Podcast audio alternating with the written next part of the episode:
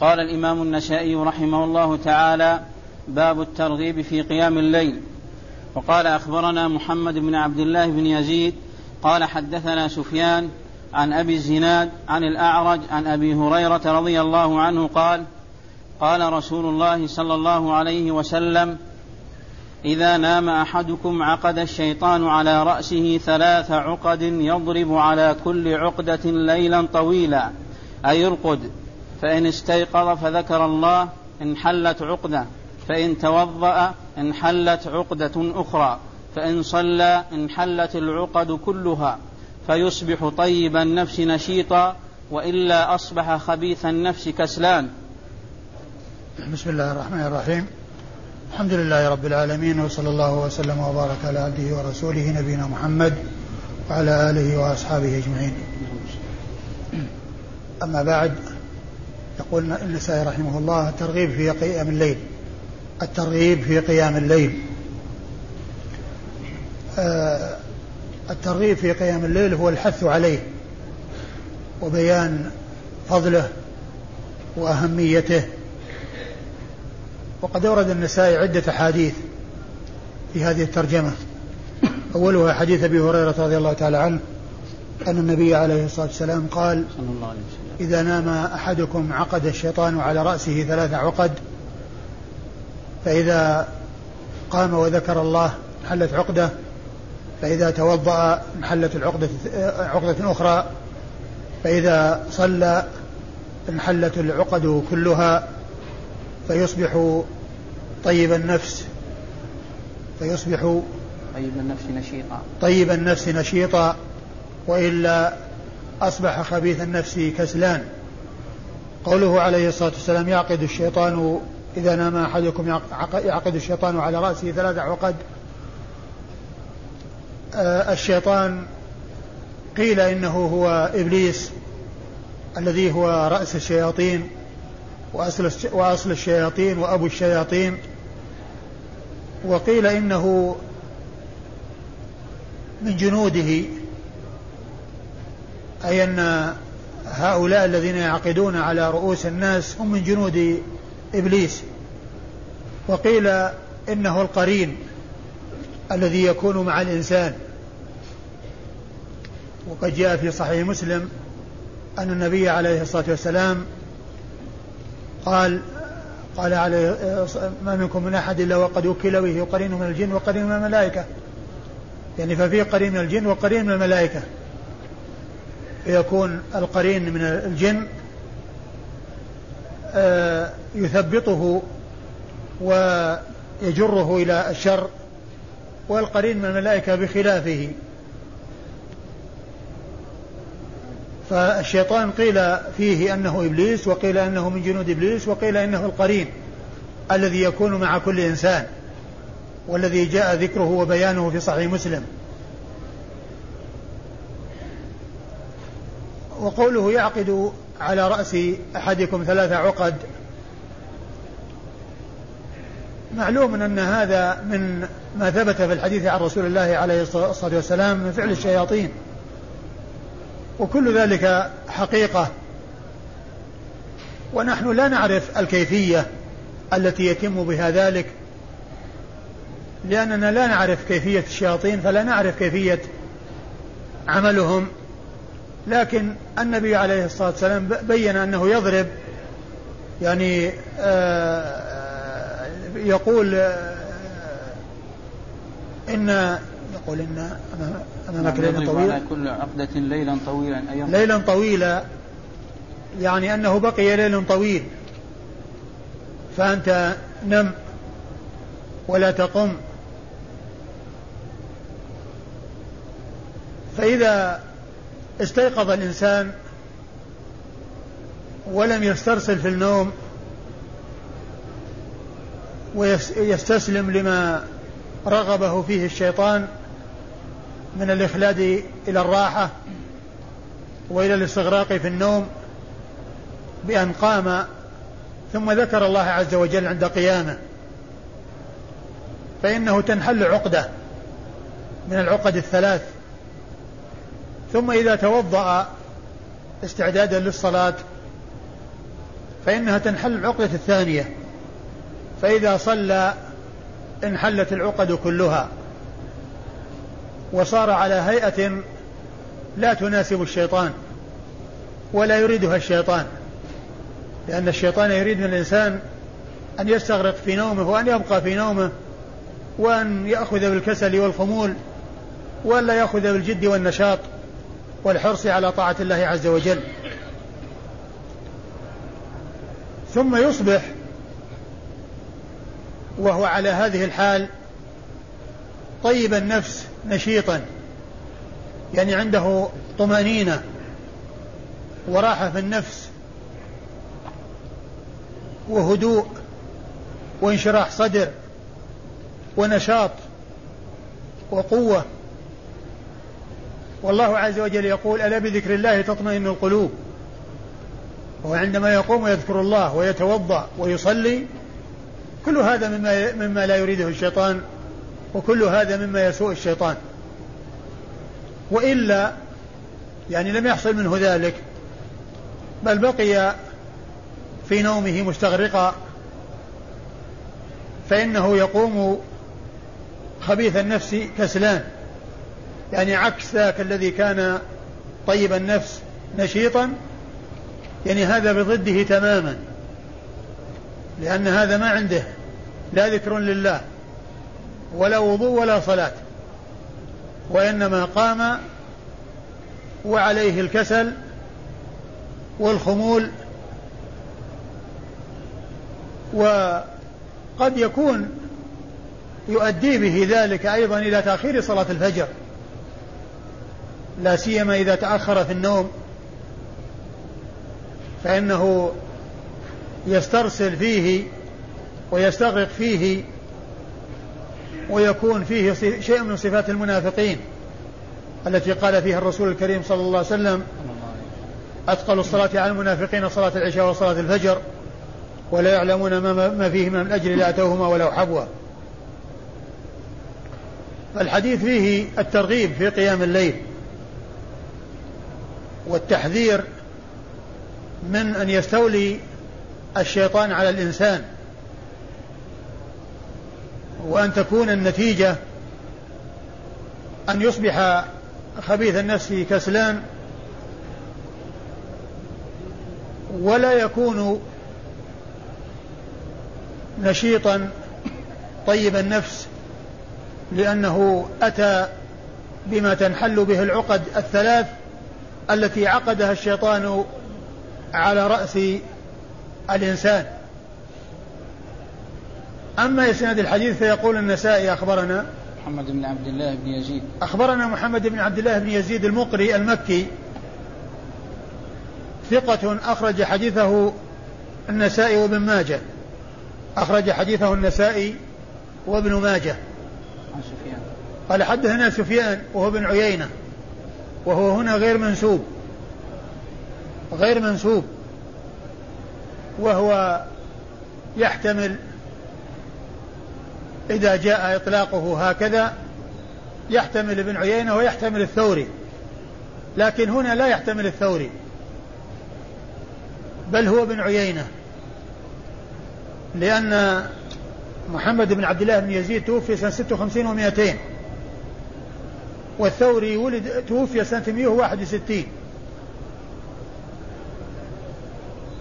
أي أن الذي يمكن أن يروي عنه هو ابن عيينة الذي توفي فوق التسعين 197 وإلا ذاك الذي هو الذي هو الثوري لا, لا, لا ندري متى ولد. اللي هو محمد بن عبد الله بن يزيد.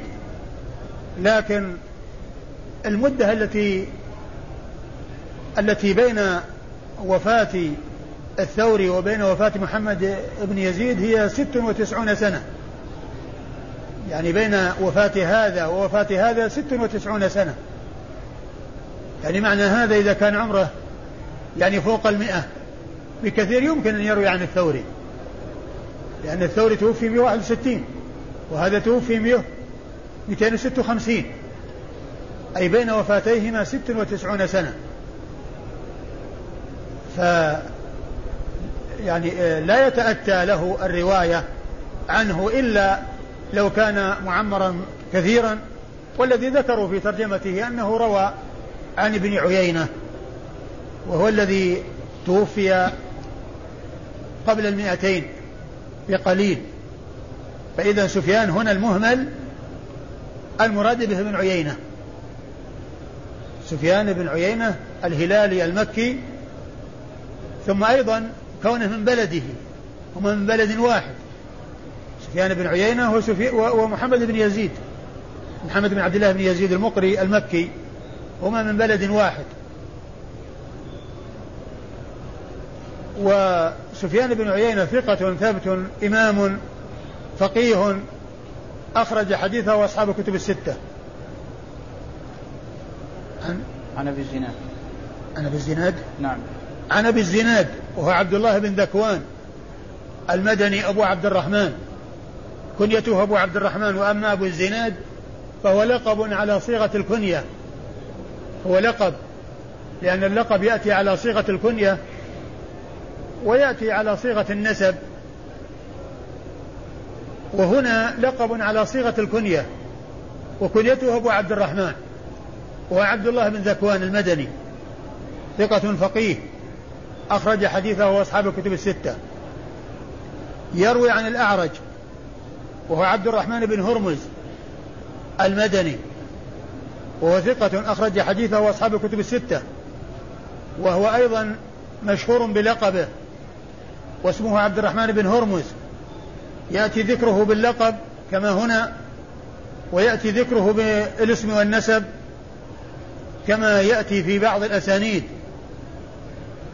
وهو مشهور بلقبه الأعرج. ومعرفة ألقاب المحدثين من أنواع علوم الحديث. وقيل في فائدة معرفتها أن لا يظن الشخص الواحد شخصين. فيما إذا ذكر باسمه ثم ذكر بلقبه من لا يعرف أن عبد الرحمن بن هرمز يلقب الأعرج إذا وجد عبد الرحمن بن هرمز في إسناد والأعرج في إسناد آخر ظن أن الأعرج شخص آخر غير عبد الرحمن بن هرمز. لكن إذا عرف أن عبد الرحمن بن هرمز يلقب الأعرج فلا يلتبس عليه كونه يأتي في بعض الأسانيد عبد الرحمن بن هرمز وفي بعضها الأعرج. فإذا فائدة معرفة ألقاب المحدثين ألا يظن الشخص الشخص الواحد شخصين فيما إذا ذكر باسمه أحيانا وذكر بلقبه أحيانا فإن من لا يعرف يظن أن هذا شخص وأن هذا شخص مع أنهما شخص واحد. ذكر أحيانا باسمه وذكر في بعض الأحيان بلقبه. يروي عن أبي هريرة عبد الرحمن بن صخر الدوسي صاحب رسول الله صلى الله عليه وسلم. وأحد السبعة المعروفين بكثرة الحديث عن رسول الله عليه الصلاة والسلام بل هو أكثرهم. وهم أبو هريرة وابن عمر وابن عباس وأبو سعيد الخدري وجابر بن عبد الله الأنصاري وأنس بن مالك وأم المؤمنين عائشة رضي الله تعالى عن الجميع. فهؤلاء سبعة من أصحاب رسول الله عليه الصلاة والسلام عرفوا بكثرة الحديث عنه وأكثرهم أكثر هؤلاء السبعة أبو هريرة رضي الله تعالى عنه وأرضاه. وأبو هريرة أسلم في السنة السابعة ولازم النبي عليه الصلاة والسلام وتحمل عنه الكثير. وصار حديثه أكثر من حديث من كان متقدم الإسلام.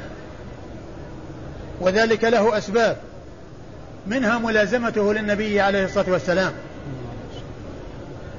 ومنها دعوة النبي عليه الصلاة والسلام له بأن يحفظ يعني ما يسمعه كما جاء ذلك في بعض الأحاديث.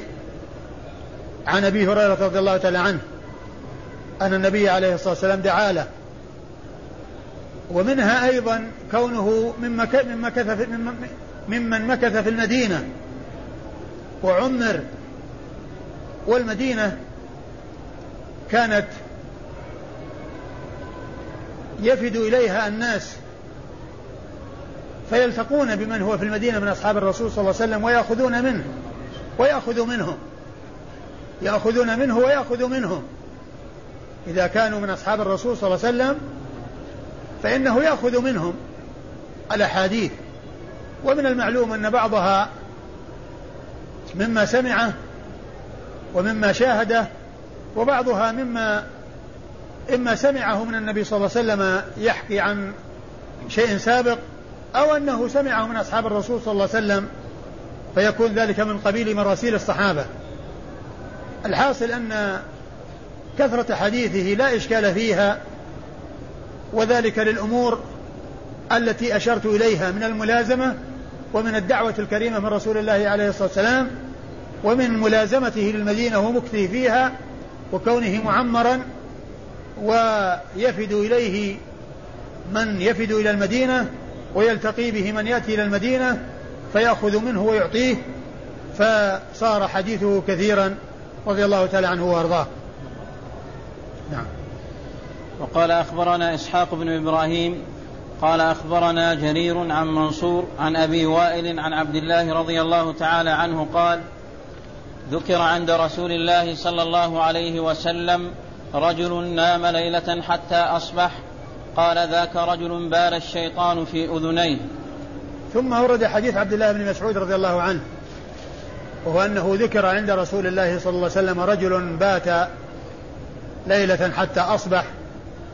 فقال عليه الصلاة والسلام ذاك, ذاك رجل بال الشيطان في أذنيه. بال الشيطان في أذنيه.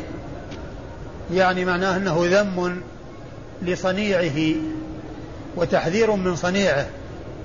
وقيل في الذي نام عنه أنه نام عن صلاة العشاء.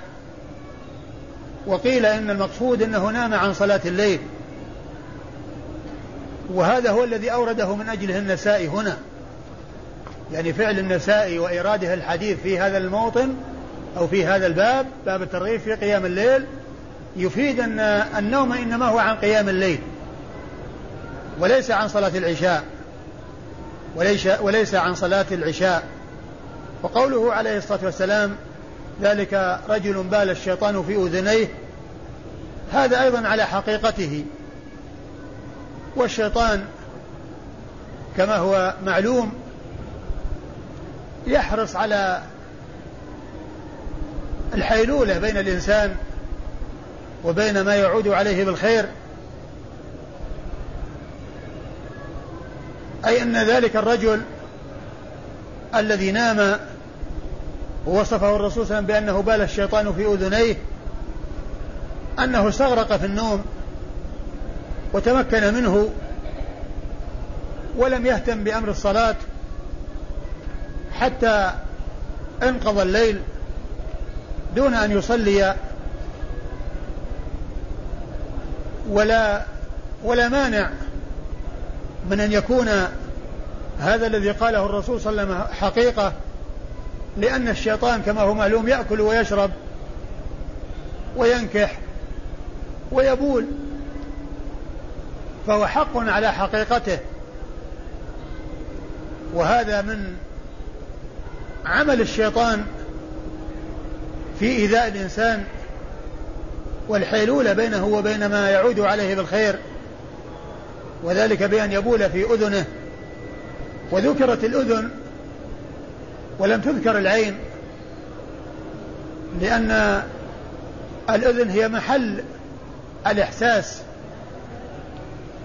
وسماع الحركة والأصوات وكل إنسان يتنبه. فإذا حصل للأذن شيء يجعل الإنسان لا يحس ويستغرق في نومه ولو وجد عنده شيء من الحركة ما تنبه يعني معناه أن أن أن, أن الشيطان بال في أذنه فصار لا يتنبه وليس له إحساس فجاء ذكر الأذن ولم يأتي ذكر العين لأن وذلك أن النوم يكون بإغماض العين إلا أن الإحساس إنما هو في الأذن.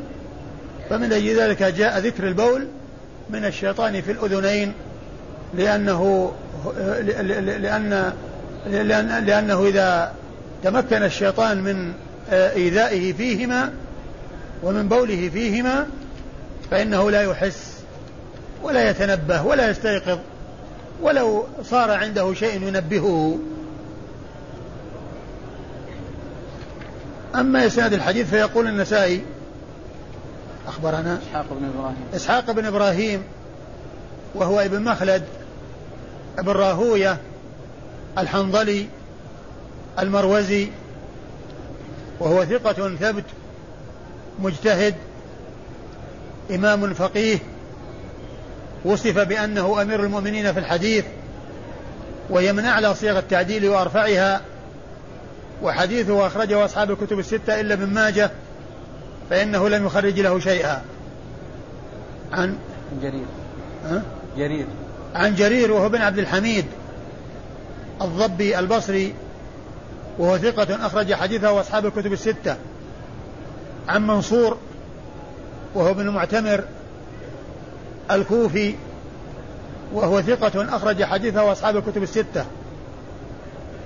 عن أبي وائل وأبو وائل هو شقيق بن سلمة الكوفي وهو مشهور بكنيته أبو وائل ويأتي ذكره بالكنية وذكره بالاسم.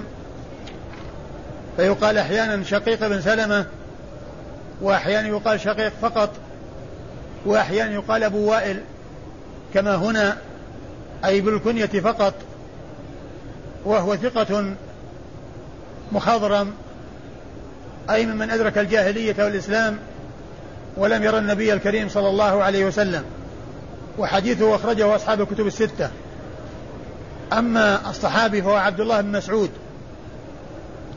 عبد الله بن مسعود الهذلي صاحب رسول الله عليه الصلاة والسلام وهو من علماء الصحابة وفقهائهم وكبارهم وكانت وفاته سنة 32 وبعض العلماء قال إنه من العبادلة الأربعة وليس كذلك بل العبادلة الأربعة هم من صغار الصحابة وكانوا في سن متقارب وهم ابن عباس وابن عمر وابن عمرو بن العاص وابن الزبير هؤلاء هم العبادلة الأربعة إذا قيل العبادلة الأربعة من أصحاب رسول الله صلى الله عليه وسلم. وليس ابن مسعود منهم فإنه متقدم الوفاة. وأما أولئك فإنهم متأخرون بعده بمدة. ابن مسعود توفي 32 وأولئك بعد الستين أو قريبا من ذلك. فإذا عاشوا مدة طويلة. بعد ابن مسعود رضي الله تعالى عن الجميع. وحديث عبد الله بن مسعود عند أصحاب الكتب الستة. نعم. وقال أخبرنا عمرو بن علي قال حدثنا عبد العزيز بن عبد الصمد قال حدثنا منصور عن أبي وائل عن عبد الله رضي الله تعالى عنه أن رجلا قال يا رسول الله إن فلانا نام عن الصلاة البارحة حتى أصبح قال ذاك شيطان بال في أذنيه. ثم ورد حديث ابن مسعود من طريق أخرى وهو مثل الذي قبله تماما. وأما إسناده فيقول النسائي أخبرنا عمرو بن علي وهو الفلاس البصري المحدث الناقد المتكلم في الرجال جرحا وتعديلا وحديثه أخرجه أصحاب الكتب الستة. عن يحيى عن عبد العزيز بن عبد عن عبد العزيز بن عبد الصمد العمي البصري وهو ثقة أخرج حديثه أصحاب الكتب الستة. عن منصور عن أبي وائل عن منصور عن أبي وائل عن أبي هري... عن عن أبي عبد الله بن مسعود وقد مر ذكرهم في الإسناد الذي قبل هذا. وقال أخبرنا يعقوب بن إبراهيم قال حدثنا يحيى عن ابن عجلان قال حدثنا القعقاع عن أبي صالح عن أبي هريرة رضي الله عنه قال قال رسول الله صلى الله عليه وسلم رحم الله رجلا قام من الليل فصلى ثم أيقظ امرأته فصلت فإن أبت نضح في وجهها الماء ورحم الله امرأة قامت من الليل فصلت ثم أيقظت زوجها فصلى فإن أبى نضحت في وجهه الماء. ثم ورد النسائي حديث أبي هريرة. حديث أبي هريرة رضي الله عنه أن النبي عليه الصلاة والسلام قال رحم الله امرأ قام من الليل فصلى. ثم أيقظ أهله فإن أبت نضح في وجهها الماء يعني برفق يعني حتى يحصل لها النشاط وتتنبه وتقوم.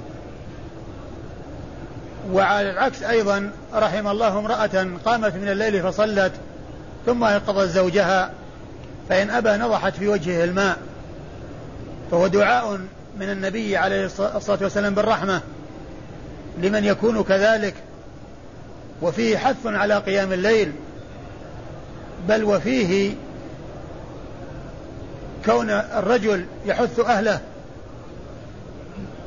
والمرأة تحث زوجها وتساعده أو ويساعدها على قيام على القيام في الليل.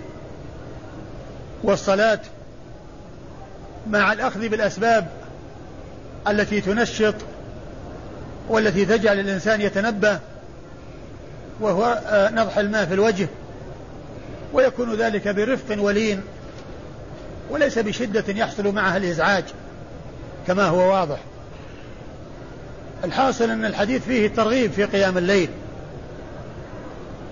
بل وفيه حث من قام أن يقيم أهله أو من قامت أن تقيم زوجها وهذا من التعاون على البر والتقوى ومن التعاون على الخير. وأما إسناد الحديث فيقول النسائي أخبرنا يعقوب بن إبراهيم وهو الدورقي وهو ثقة حافظ أخرج حديثه أصحاب الكتب الستة بل هو شيخ لأصحاب الكتب الستة روى عنه مباشرة وبدون واسطة. عن يحيى وهو بن سعيد.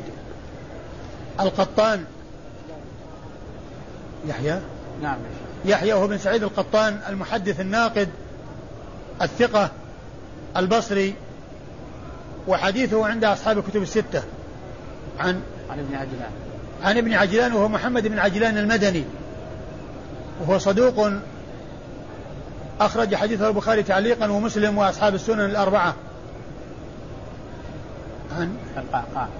عن القعقاع بن حكيم المدني وهو ثقة أخرج حديثه البخاري في الأدب المفرد ومسلم وأصحاب السنن الأربعة.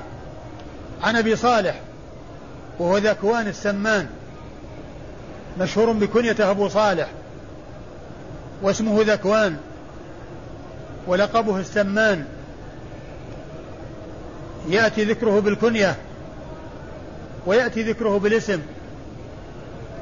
وهو ثقة حديثه عند أصحاب الكتب الستة. يروي عن أبي هريرة وقد مر ذكره. وقال أخبرنا قتيبة قال حدثنا الليث عن عقيل عن الزهري عن علي بن حسين أن الحسين بن علي رضي الله عنه أخبره عن علي بن أبي طالب رضي الله عنه أن النبي صلى الله عليه وسلم طرقه وفاطمة فقال ألا تصلون؟ قلت يا رسول الله إنما أنفسنا بيد الله فإذا شاء أن يبعثها بعثها فانصرف رسول الله صلى الله عليه وسلم حين قلت له ذلك ثم سمعته وهو مدبر يضرب فخذه ويقول وكان الإنسان أكثر شيء جدلا. ثم أورد النسائي حديث أمير المؤمنين علي بن أبي طالب رضي الله تعالى عنه وأرضاه.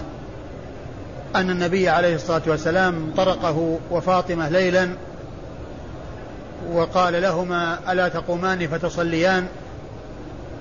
فقال علي رضي الله عنه إنما أنفسنا بيد الله إذا شاء أن يبعثنا بعثنا. فلما قال فلما قال عمر فلما قال علي رضي الله عنه ذلك انصرف النبي عليه الصلاة والسلام. قال علي فرأيته يضرب فخذه بيده ويقول وكان الإنسان أكثر شيء جدلا وكان الإنسان أكثر شيء جدلا. محل الشاهد من الحديث كون النبي صلى الله عليه وسلم جاء إلى علي وفاطمة ليلا وطرق عليهما الباب وقال لهما ألا تصليان يعني ألا تصليان الليل. ففي ذلك حث على قيام الليل وترغيب في قيام الليل. وكون الرجل يرشد أهله وذويه وأقاربه وأقاربه إلى هذا العمل الخير. وقول علي رضي الله تعالى عنه إنما أنفسنا بيد الله إذا شاء أن يبعثها بعثها. يعني أنهما ينامان والنائم قد قبضت نفسه. وإذا شاء الله عز وجل أن يبعثه من نومه بعثه. وهذا فيه أن النوم أو القيام من النوم يقال له بعث. لأن النوم أخو الموت. والموت يكون فيه بعث. والنوم يكون فيه بعث. يعني بعث من ذلك الموت الأصغر الذي هو النوم. قد جاء في الحديث النوم أخو الموت ولا ينام أهل الجنة. ففيه ذكر البعث.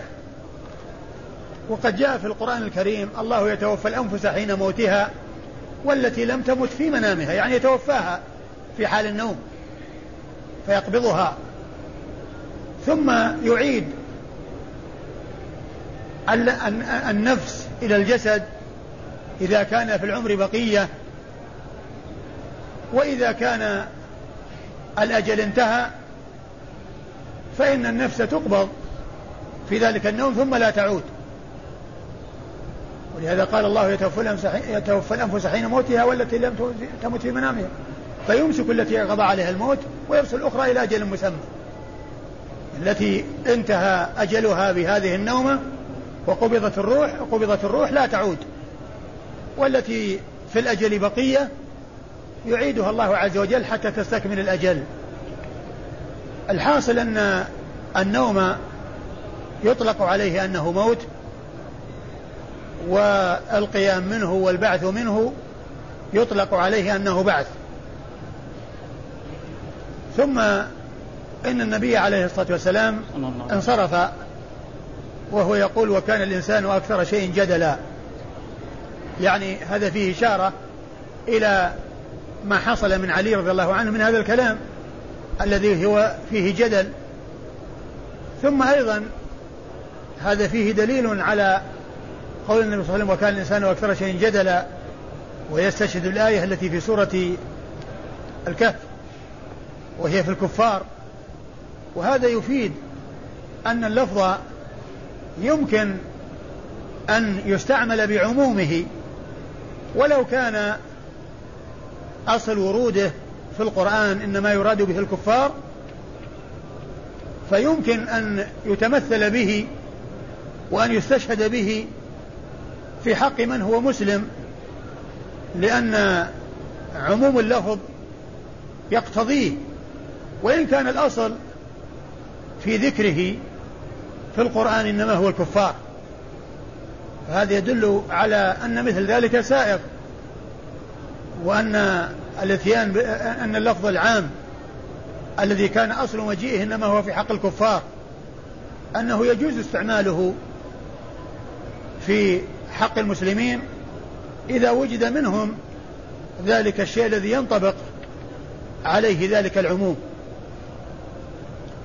أما إسناد الحديث فيقول النسائي أخبرنا طيب أخبرنا قتيبة هو بن سعيد بن جميل بن طريف البغلاني وهو ثقة ثبت أخرج حديثه أصحاب الكتب الستة.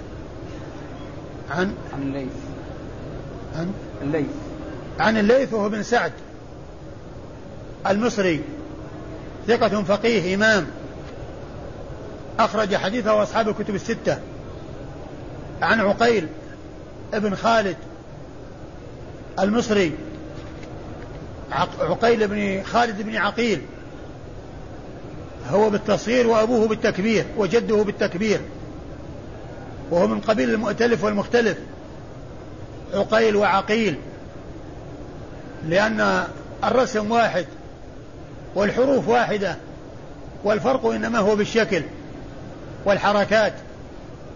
عقيل بن خالد بن عقيل المصري. فأبو فهو بالتصغير وجده بالتكبير وهو من قبيل المؤتلف والمختلف. اتفقت الألفاظ في الرسم واختلفت في النطق والصيغة. وهو ثقة أخرج حديثه أصحاب الكتب الستة. يروي عن الزهري وهو محمد بن مسلم بن عبيد الله. الزهري ينسب إلى جده زهرة بن كلاب وهو ثقة فقيه مكثر من رواية حديث رسول الله صلى الله عليه وسلم وهو من صغار التابعين وحديثه عند أصحاب الكتب الستة. يروي عن؟ علي بن الحسين. عن علي بن الحسين ابن علي بن أبي طالب لقبه زين العابدين وهو ثقة ثبت. فقيه عابد مشهور أخرج حديثه أصحاب الكتب الستة. يروي عن أبيه الحسين بن علي ابن أبي طالب رضي الله عنه سبط رسول الله صلى الله عليه وسلم وريحانته وهو من صغار الصحابة. وحديثه عند أصحاب الكتب الستة. يروي عن أبيه علي ابن أبي طالب أمير المؤمنين ورابع الخلفاء الراشدين الهادين المهديين ذي المناقب الجمة والفضائل الكثيرة. وهو أفضل هذه الأمة بعد أبي بكر وعمر وعثمان. رضي الله تعالى عنهم أجمعين. وقد ورد في كتب السنة فضائل كثيرة ثابتة له رضي الله تعالى عنه وأرضاه وهي دالة على فضله ونبله. وحديثه عند أصحاب الكتب الستة. وهذا الإسناد اجتمع فيه ثلاثة من أهل السنة من أئمة أهل السنة الذين يحبونهم يحبهم أهل السنة ويقدرونهم ويعرفون فضلهم ويتولونهم وتمتلئ قلوبهم من محبتهم ولا يغلون فيهم ولا يجفون. بل هم معتدلون متوسطون. لا غلو ولا جفاء بل يحبونهم لإيمانهم وتقواهم ولقربهم من رسول الله صلى الله عليه وسلم ورضي الله تعالى عنهم وأرضاهم. وهؤلاء الثلاثة هم من الأئمة الاثني عشر عند الرافضة الذين يغلون فيهم وينزلونهم منازل لا يستحقونها ولا يرضونها هم لأنفسهم. لا يرضونها لأنفسهم. والتي جاء في كتبهم المعتمدة عندهم ألفاظ فيها الغلو الشديد والمبالغة الشديدة وإضافة إليهم شيء لا يرضونه. ومن ذلك ما جاء في كتاب الكافي للكليني من أبواب تشتمل على أحاديث ينسبونها إلى أئمة إلى الأئمة الاثني عشر. ومن هذه الأبواب باب أن الأئمة يعلمون ما كان وما سيكون وأنهم يعلمون متى يموتون وأنهم لا يموتون إلا باختيارهم. وباب أنه ليس شيء من الحق إلا ما كان من عند الأئمة. وكل شيء لم يخرج من عندهم فهو باطل. ومقتضى هذا الكلام أن كل ما جاء عن أبي بكر وعمر وعثمان وطلحة والزبير وسعد وسعيد وأبو هريرة وغيرهم من الصحابة أنه مرفوض مردود. بل إن القرآن نفسه إنما جمعه أبو بكر ثم عثمان. فالمصحف الذي بأيدي الناس هو من جامع عثمان. رضي الله تعالى عنه. وعلى هذا فالقرآن ما خرج من عند أهل البيت. وما خرج من عند الأئمة. بل الذي جمعه أولا أبو بكر الصديق ثم عثمان بن عفان رضي الله عنه وأرضاه. فلا شك أن هذا من أبطل الباطل وهذا فيه قدح في المنقول لأن القدح في الناقل قدح في المنقول. ما دام أنه أن الصحابة لا يؤخذ ما جاء عن طريقهم وأنه لا يؤخذ إلا ما جاء من طريق الأئمة الاثنى عشر وأن كل شيء لم يخرج من من عندهم فهو باطل أي أن كل ما جاء عن أبي بكر وعمر وعثمان وغيرهم من الصحابة فإنه باطل لأنه ما خرج من الأئمة الاثنى عشر. هذا هو معنى هذه هذا الباب. المشتمل على بعض الأحاديث المكذوبة. ومن ذلك أيضا الباب الذي يقول فيه باب أن الأئمة يعلمون الكتب المنزلة على المرسلين كلها وأنهم يعرفونها بلغاتها. يعني منها كل كتاب أنزله الله فهو موجود عند الأئمة الاثني عشر. وأنهم يعرفون تلك اللغات التي نزلت بها الكتب. هذا كله غلو وإطراء. لا يرضاه الأئمة والله لا يرضونه. والله لو سمعوه لتبرأوا منه. لكن هكذا شأن الكذابين يكذبون على الأئمة ويضيع عقول وما لا تقبله العقول وما لا يتفق لا لا يؤيده النقل ولا العقل. فهذا من جملة غلوهم. وهذا من كلام المتقدمين الذي هو الكليني. وهذه أبوابه. أما المتأخرون المعاصرون فأكبر زعيم عندهم هو الخميني. وقد قال في كتابه الحكومة الإسلامية في حق الأئمة الاثنى عشر يقول وإن من ضروريات مذهبنا أن لأئمتنا مقاما لا يبلغه ملك مقرب ولا نبي مرسل. وإن من ضروريات مذهبنا يعني من الأمور البديهية الضرورية أن لأئمتنا مقاما لا يبلغه ملك مقرب ولا نبي مرسل. يعني معناه أنهم يفضلون على الملائكة المقربين وعلى الأنبياء المرسلين. هذا هو معنى هذه الكلمة. وهذا هو الغلو الذي ليس وراءه غلو. أما أهل السنة فليس عندهم لا غلو ولا جفاء بل يحبون الجميع.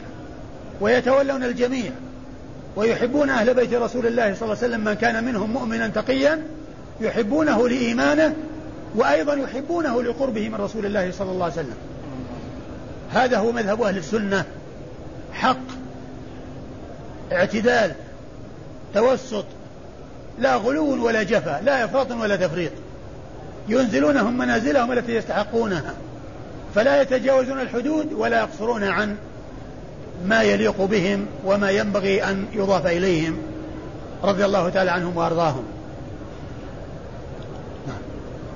وقال أخبرنا عبيد الله بن سعد بن إبراهيم بن سعد قال حدثني عمي قال حدثني أبي عن ابن إسحاق قال حدثني حكيم بن حكيم بن عباد بن حنيف عن محمد بن مسلم بن شهاب عن علي بن حسين عن أبيه عن جده علي بن أبي طالب رضي الله عنه قال دخل علي رسول الله صلى الله عليه وسلم وعلى فاطمة من الليل فأيقظنا فأيقظنا للصلاة ثم رجع إلى بيته فصلى هويا فصلى هويا من الليل فلم يسمع لنا حسا فرجع إلينا فأيقظنا فقال قوما فصليا. قال فجلست وأنا أعرف عيني وأقول إنا والله ما نصلي إلا ما كتب الله لنا. إنما أنفسنا بيد الله فإن شاء أن يبعثنا بعثنا. قال فولى رسول الله صلى الله عليه وسلم وهو يقول ويضرب بيده على فخذه ما نصلي إلا ما كتب الله لنا وكان الإنسان أكثر شيء جدلا. ثم ورد النسائي حديث علي بن أبي طالب رضي الله عنه من طريق أخرى وهو مثل الذي قبله إلا أن فيه زيادة.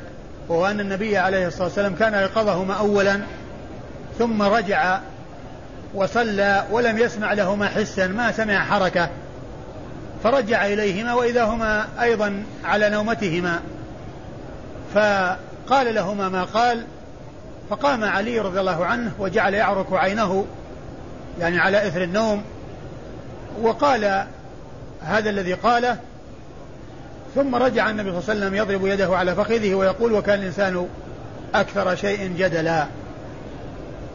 وأما إسناد الحديث فيقول النسائي أخبرنا عبيد الله بن سعد بن إبراهيم. عبيد الله بن سعد بن إبراهيم بن سعد بن إبراهيم بن عبد الرحمن بن عوف. وهو ثقة أخرج حديثه وأصحاب الكتب الستة. البخاري وأبو داود. نعم البخاري البخاري وأبو البخاري وأبو داود والترمذي والنسائي. أخرج حديث البخاري وأبو داود والترمذي والنسائي. قال حدثني عمي. قال حدثني عمي وهو يعقوب بن إبراهيم وهو يعقوب يعقوب آه يعقوب نعم هو ذاك اسمه؟ عبيد الله بن سعد. عبد الله بن سعد بن إبراهيم. نعم. وهو يعقوب بن إبراهيم بن سعد بن إبراهيم بن عبد الرحمن بن عوف. وهو ثقة أخرج حديثه أصحاب الكتب الستة. ويعقوب يروي عن أبيه إبراهيم بن سعد ابن إبراهيم. وهو ثقة حجة أخرج حديثه أصحاب الكتب الستة. يروي عن ابن إسحاق. عن ابن إسحاق وهو محمد بن إسحاق المطلبي المدني وهو صدوق يدلس وحديثه أخرجه البخاري تعليقا ومسلم وأصحاب السنن الأربعة. عن حكيم بن حكيم. عن حكيم بن حكيم ابن ابن عباد بن حنيف وهو صدوق صدوق أخرج له. الأربعة. وهو صدوق أخرج له أصحاب السنن الأربعة. عن عن محمد بن مسلم بن شهاب.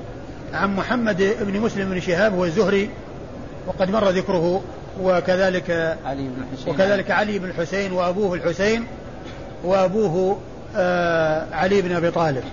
إيش ال- الإسناد؟ آه، الإسناد هو أيوه. عبيد الله بن سعد. أيوه. عن عمه عن عمه عن أبيه. عن, عن ابن إسحاق. عن ابن إسحاق عن حكيم- الزهري. عن حكيم. عن حكيم عن الزهري. عن علي بن حسين. عن علي بن الحسين عن أبيه عن جده. عن عن جده. عن جده. هذا تساعي. هذا إسناد تساعي. يعني من أطول الأسانيد عند النسائي. عند ال- النسائي. هو من أطولها. أعلى أطولها العشاري. قد مر بنا حديث فضل قل هو الله أحد وفيه عشرة بين النسائي وبين رسول الله صلى الله عليه وسلم. والتساعي يعني تسعة بين الرسول صلى الله عليه وسلم وبين النسائي. هذا هذا الإسناد منها من تلك الأسانيد النازلة. التي يكون بين رسول الله صلى الله عليه وسلم وبين النسائي فيها تسعة أشخاص. وأعلى الأسانيد عند النسائي الرباعيات. وأنزل الأسانيد عند النسائي العشاريات العشاري الذي هو عشرة أشخاص.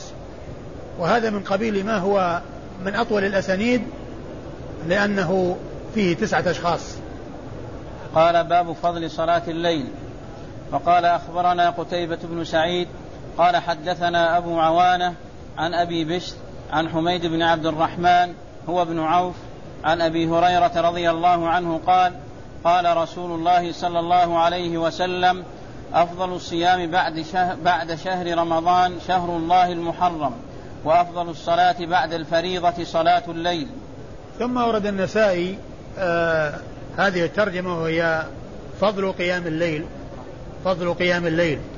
وأورد فيه حديث أبي هريرة رضي الله تعالى عنه أن النبي عليه الصلاة والسلام قال أفضل أفضل الصيام بعد شهر رمضان شهر الله المحرم وأفضل الصلاة بعد الفريضة قيام الليل.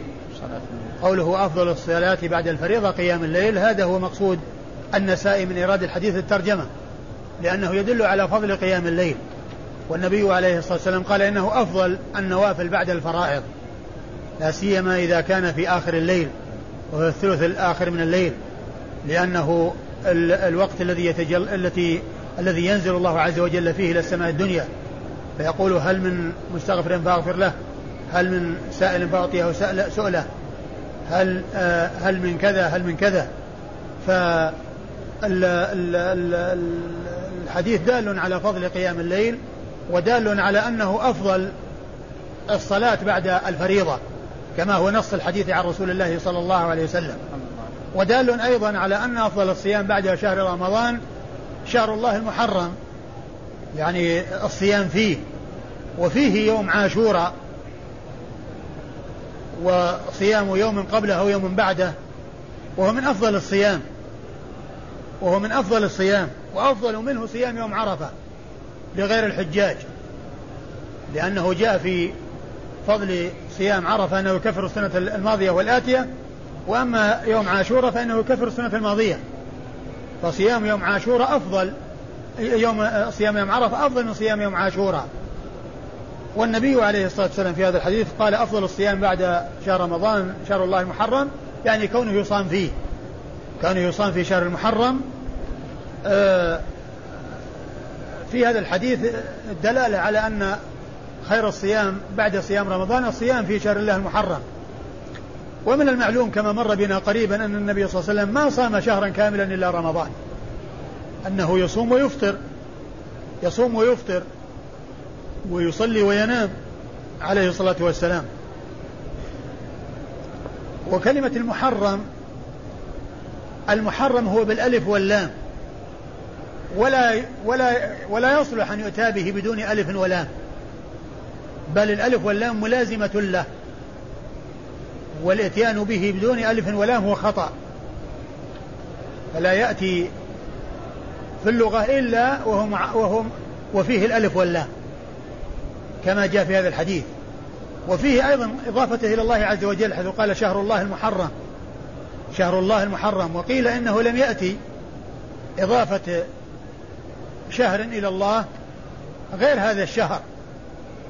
وقيل أن السبب في ذلك أنه من الأشهر الحرم وهو أيضا آآ آآ يعني لفظه أو لفظ اسمه يشعر بالتحريم يشعر بالتحريم وأنه محرم وهو أحد الأشهر الحرم الأربعة التي هي رجب الفرد ويقال له الفرد لأنه شهر محرم شهر من أشهر الحرم وحده. ليس بجواره شهر من أشهر الحرم. وأما الثلاثة الباقية فهي مسرودة بعضها وراء بعض. ولهذا يقال ثلاثة فرد سرد وواحد فرد. ثلاثة سرد يعني مسرودة وهي ذي القعدة وذي الحجة وهو محرم.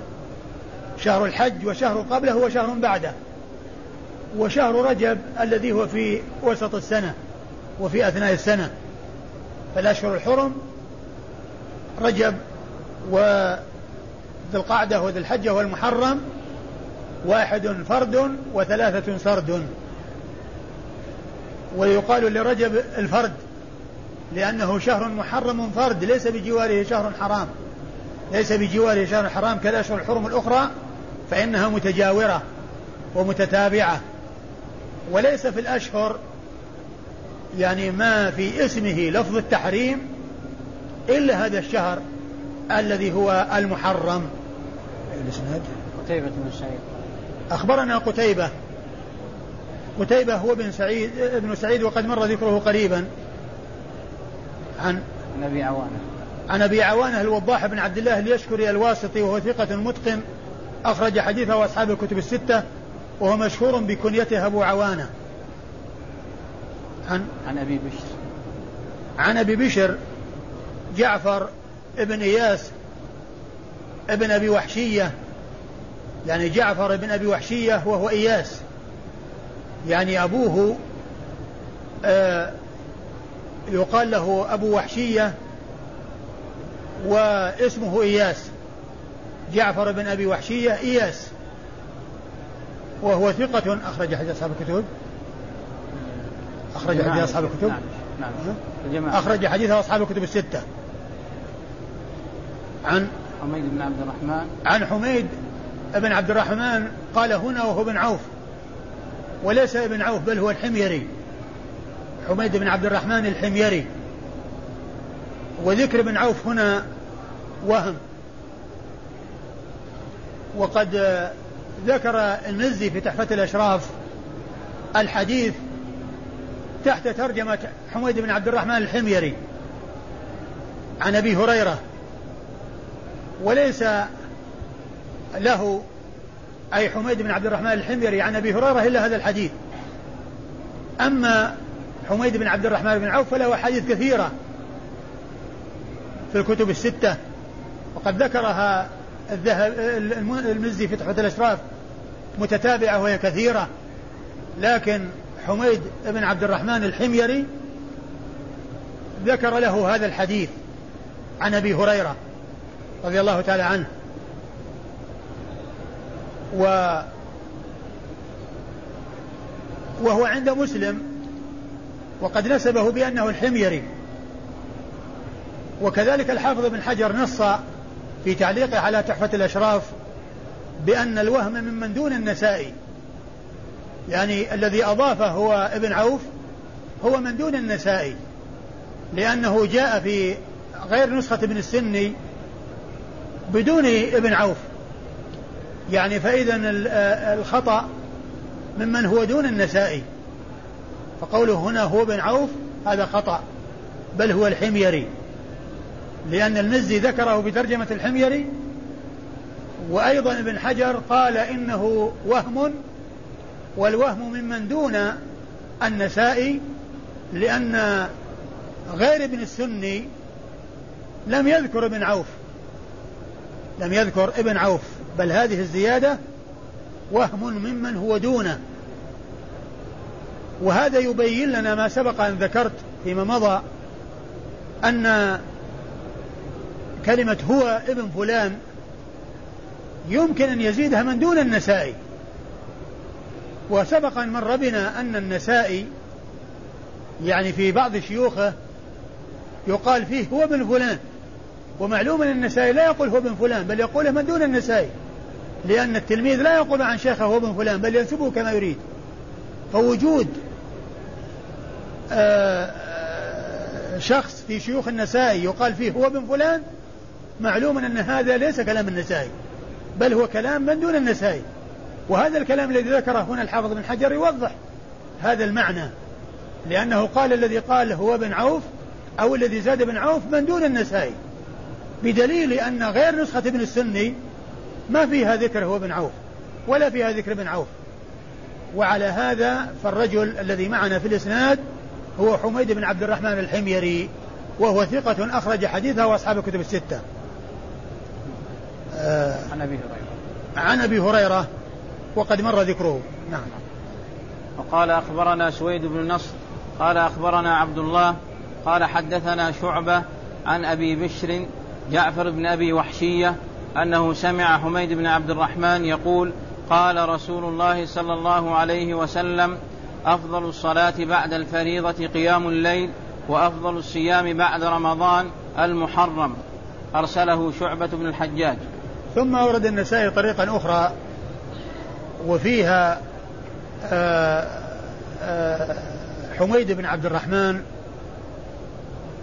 قال فيه قال رسول الله صلى الله عليه وسلم فهو من قبيل المرسل. وقال إنه أرسله شعبة. أي أن آه، رواية الإرسال جاءت من طريق شعبة. يعني جاءت من طريق شعبة. لأن آه، آه، جعفر بن أبي وحشية جاء عنه الإسناد الذي قبل هذا وهو موصول. وأما هذه الطريقة الثانية جاءت من طريق جعفر بن أبي وحشية لكن عن طريق شعبة. فالإرسال من هذه الطريقة التي فيها رواية شعبة. وأما رواية غيره ففيها الوصل وإضافته إلى رسول الله صلى الله عليه وسلم ويعني آه، متصلا وليس مرسلا. متصلا وليس مرسلا. وإسناد الحديث يقول النسائي أخبرنا سويد بن نصر وهو المروزي. وهو ثقة أخرج حديثه الترمذي والنسائي ويروي عن عبد الله وهو ابن المبارك المروزي. وهو ثقة ثبت جواد مجاهد قال عنه الحافظ في التقريب بعد أن ذكر جملة من خصاله الحميدة جمعت فيه خصال الخير. وحديثه أخرجه أصحاب الكتب الستة. عن شعبة وهو ابن الحجاج الواسطي ثم البصري وهو ثقة ثبت وصف بأنه أمير المؤمنين في الحديث. وصف بأنه أمير المؤمنين في الحديث وحديثه عند أصحاب الكتب الستة. عن آه أبي بشر. عن جعفر. نعم أبي بشر. عن أبي جعفر بن أبي وحشية أبي بشر. عن حميد بن عبد الرحمن وهنا ما ما نسبه ما قال الحميري ولا قال ابن عوف. وقد مر ذكر جعفر وقد هنا سمي في الإسناد وأما في الإسناد السابق فهو لم يسمى لأن قيل أبو بشر فقط وهنا قال جعفر بن أبي وحشية فسماه في الإسناد الثاني سمي في الإسناد الثاني. والله تعالى أعلم وصلى الله وسلم وبارك على عبده ورسوله نبينا محمد وعلى آله وأصحابه أجمعين.